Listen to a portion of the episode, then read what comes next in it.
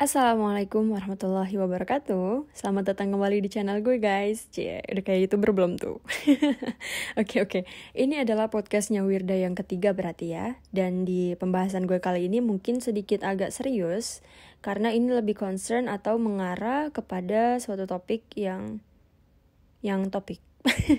Topik yang agak serius maksudnya Yaitu tentang coronavirus atau virus corona. Dan apa sih dampak yang terjadi gitu uh, terhadap dompet kita. Mohon maaf nih. Jadi gue ngerasa kayak bukan cuma diri kita yang terisolasi tapi kayaknya keuangan kita juga ikut-ikut terisolasi gitu. Uang jajan tuh kayak ke lockdown dan seakan-akan kayak duit kita tuh jadi di karantina juga gitu loh. Ya allah kan nggak sehat ya. Gak bisa jajan gitu loh. Tapi ya udahlah masa mikirin jajan sih? Yang penting kan kesehatan keselamatan itu paling utama. Ya enggak ya walaupun gak pers sih tetap aja kita butuh duit ya enggak Ya makanya nih gue pengen bahas nih sama kalian semua. Um, di podcast gue kali ini tentang si corona ya. Gue mungkin gak akan bahas dari sisi penyakitnya, dari sisi virusnya, dari sisi kesehatan karena memang gue tidak ada background di kedokteran. Tidak ada cukup ilmu juga tentang kesehatan daripada gue salah info nih. Dan memang itu bukan ranah gue. Jadi uh, kalau kalian nonton ini karena pengen tahu info tentang virus, mohon maaf kalian salah jurusan ya. Salah jurusan, bukan di sini karena gue nggak akan bahas dari sisi penyakitnya. Karena ya udah terlalu banyak juga sih informasi-informasi yang jauh lebih akurat, yang bisa dipercaya, yang bisa kalian lihat, oke? Okay? Jadi gue di sini pengen ngebahas dari sisi dampak yang gue rasakan sebagai satu pengusaha, cie. Yang kedua sebagai anak muda dan yang ketiga sebagai orang yang suka mengamati apa pun yang ada di sekitar gue dan uh, ya alhamdulillah ya dengan adanya si virus corona ini bikin gue jadi belajar banyak hal. Yang pertama sih yang paling pertama itu adalah betapa kita tuh butuh banget yang namanya mempersiapkan diri, mempersiapkan masa depan dan benar-benar harus jadi orang yang mau ditaruh di situasi apa aja tuh bisa survive gitu. Paham gak sih?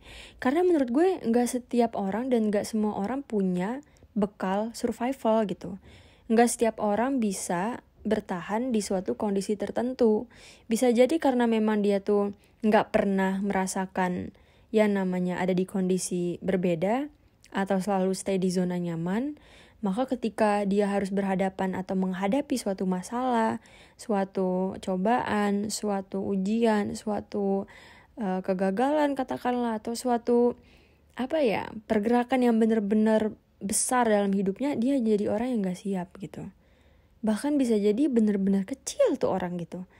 Ya makanya nih gue pengen ngomong nih sama kalian semua karena yakin gue nih butuh banget gitu anak-anak muda buat melek soal ini. Di sini bukan hanya tentang keuangan aja yang melemah tapi diri lo sendiri juga bisa melemah dan itu nggak boleh sampai terjadi.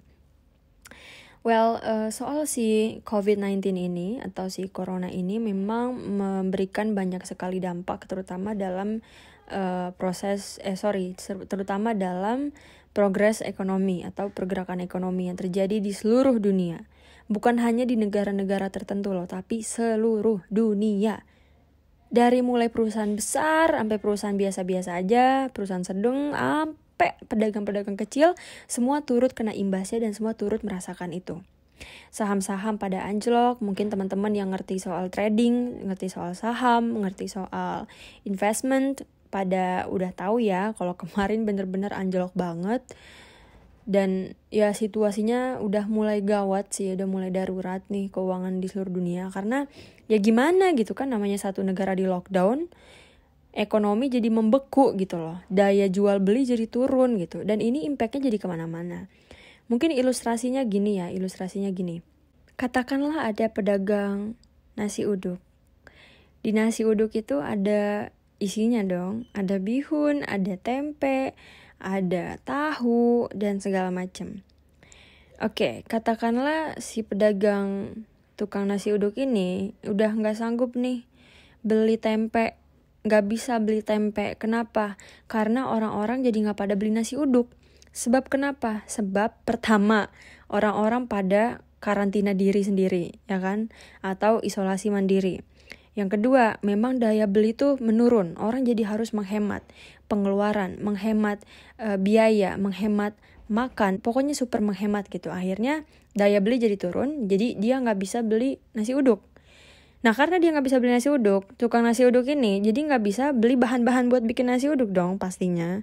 Atau kayak porsinya tuh berkurang gitu yang mestinya bisa bikin dua bakul tiba-tiba cuma bisa bikin satu bakul. Bahkan cuma setengah bakul doang bisa jadi kemudian karena tukang nasi uduknya ini pedagang nasi uduknya ini nggak bisa yang namanya bikin nasi uduk yang banyak otomatis jadi mengurangi porsi tempe ya kan nah tukang tempe bagaimana nasibnya jadi ini kayak seperti rantai Tahu kan kita kan suka belajar tuh, pernah belajar di sekolah rantai makanan. Nah, kira-kira nggak jauh beda lah rantai ekonomi seperti itu. Akhirnya karena si tukang nasi uduknya nggak beli sama tukang tempe, kasihan dong tukang tempenya. Ya nggak. Jadi tuh rodanya kayak gitu, loop atau circle-nya tuh seperti itu. Nah ini yang terjadi pada saat ini. Jadi ada satu perekonomian melemah berimbas pada ekonomi-ekonomi yang lainnya. Dan tahu nggak sih, ini bukan hanya berimbas pada satu sektor bisnis aja. Misalkan ya, lagi ada krisis apa gitu, tapi yang kena cuma perusahaan baju. Sementara makanan, penerbangan, travel, dan lain-lain aman. Itu masih nggak apa-apa. Walaupun sebenarnya dibilang nggak apa-apa juga, ya nggak, ya bukan nggak apa-apa sih. Tapi ini si COVID-19 ini imbasnya ke semua aspek semua sektor bisnis, mulai dari bisnis pangan, kemudian uh, bisnis penerbangan, pastinya jadwal-jadwal penerbangan ada beberapa yang di cancel karena adanya lockdown, adanya anu ini, anu ono, semua serba ditutup. Kemudian uh, travel, haji dan umroh nih gue sebagai pengusaha travel juga merasakan ya. Aduh ketika Saudi ngumumin bahwa bener-bener negaranya di lockdown, tidak menerima jamaah dari luar, bahkan disterilin sumpah gue bingung. Gue dan gue dan wakil direktur di perusahaan gue di wisata hati tour and travel kita bingung kenapa? Karena ada jamaah yang berangkat di bulan Maret. Sementara udah terlanjur turun regulasi baru dari Saudi yang mengharuskan kita jadi menunda keberangkatan para jamaah. Which is sebenarnya kalau dipikir-pikir ya itu demi keselamatan bersama. Dan pastinya yang umroh kan bejubel dan banyak kerumunan orang-orang gak baik untuk keselamatan dan juga kesehatan orang-orang. Makanya diberlakukanlah yang namanya perintah untuk melockdown atau mensteril Mekah. Ya gue sih oke okay lah ya udah nggak apa-apa gitu ikhlas gitu ya. Pasti ada hikmah di balik ini semua. Tapi yang sekarang yang gue pikirin adalah pedagang-pedagang kecil nih pedagang-pedagang kecil yang pada jualan di sekolah misalkan. Sekolah kan diliburin nih, kampus pada diliburin. Bagaimana nasib pedagang kecil yang mengandalkan penghasilannya hanya dari jajan anak-anak sekolah gitu? Gimana coba? Kadang mereka tuh jualan bukan buat nyari untung, beda sama kita, beda. Kadang-kadang gitu ya. Kita jualan pengen dapat untung, jualan pengen kaya, jualan pengen punya duit, tapi mereka jualan supaya bisa ngidupin anaknya, jualan supaya bisa makan, bukan makan besok, makan hari ini bahkan. Biar anaknya pada kenyang, biar anaknya pada bisa tidur, biar anaknya gak kelaparan, istrinya pun sama. Bayangkan kalau misalkan ekonomi stop, orang-orang jadi nggak pada jajan atau pada berkurang jajannya sehingga dia juga harus mikir gitu loh. Aduh ini gimana ya biayain anak anak biar makan gimana? Apalagi ditambah kalau makin kacau ekonomi. Akhirnya beras naik minyak naik kebutuhan pangan naik sayur naik. Dan ini udah terjadi ini udah terjadi. Sedikit lambatnya nanti pasti akan terjadi bayangkan udah mah pemasukan minim kebutuhan pada naik harganya. Bagaimana coba kalau kita ada di posisi mereka gitu?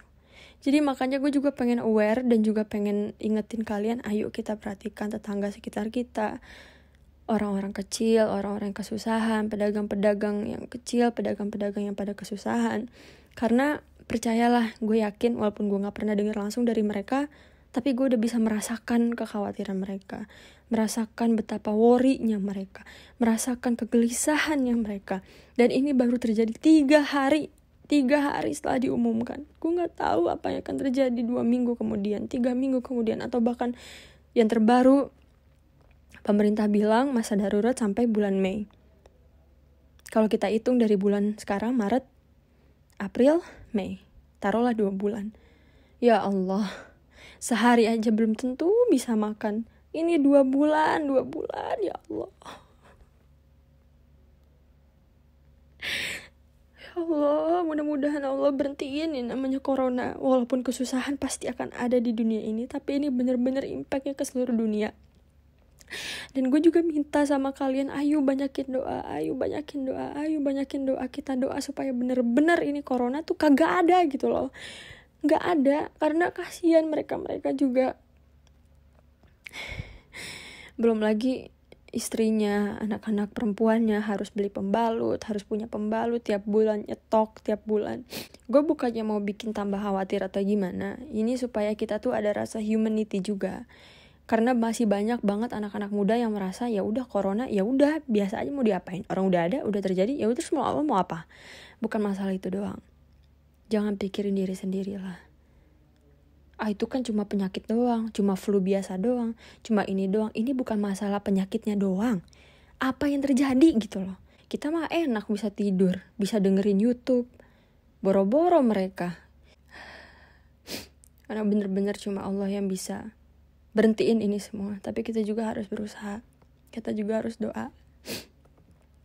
Dan yang gue lebih berasanya lagi adalah yang gue pengen ingetin lagi sama kalian Coba mulai sekarang diatur keuangannya, karena kita nggak pernah tahu akan melewati apa di masa depan. Kalau bisa dipisahin uang jajan mana, buat sehari-hari mana, buat masa depan mana, buat tabungan mana, buat dana darurat mana. Karena ya, bila kita kembali merasakan atau berhadapan dengan situasi seperti ini, insya Allah kita kuat Bahkan kita bisa membantu mereka yang juga kesusahan. Bisa membantu mereka yang kelaparan, bisa membantu mereka yang kesulitan. Jadi penting sekali namanya mengatur keuangan. Coba dicek, kira-kira cukup nggak dana kalian? Untuk beli obat misalnya, beli keperluan sehari-hari, beli makan. Kalau misalnya ada rezeki lebih, jangan lupa berbagi kepada tetangga dan juga kawan-kawan kalian yang kesulitan. Ya, Jangan lupa doain juga Indonesia dan seluruh dunia. Semoga corona bener-bener hilang dan gak ada lagi dan gak pernah muncul. Kayak mantan. Astagfirullah. Segitu aja dari gue. Terima kasih. Assalamualaikum warahmatullahi wabarakatuh.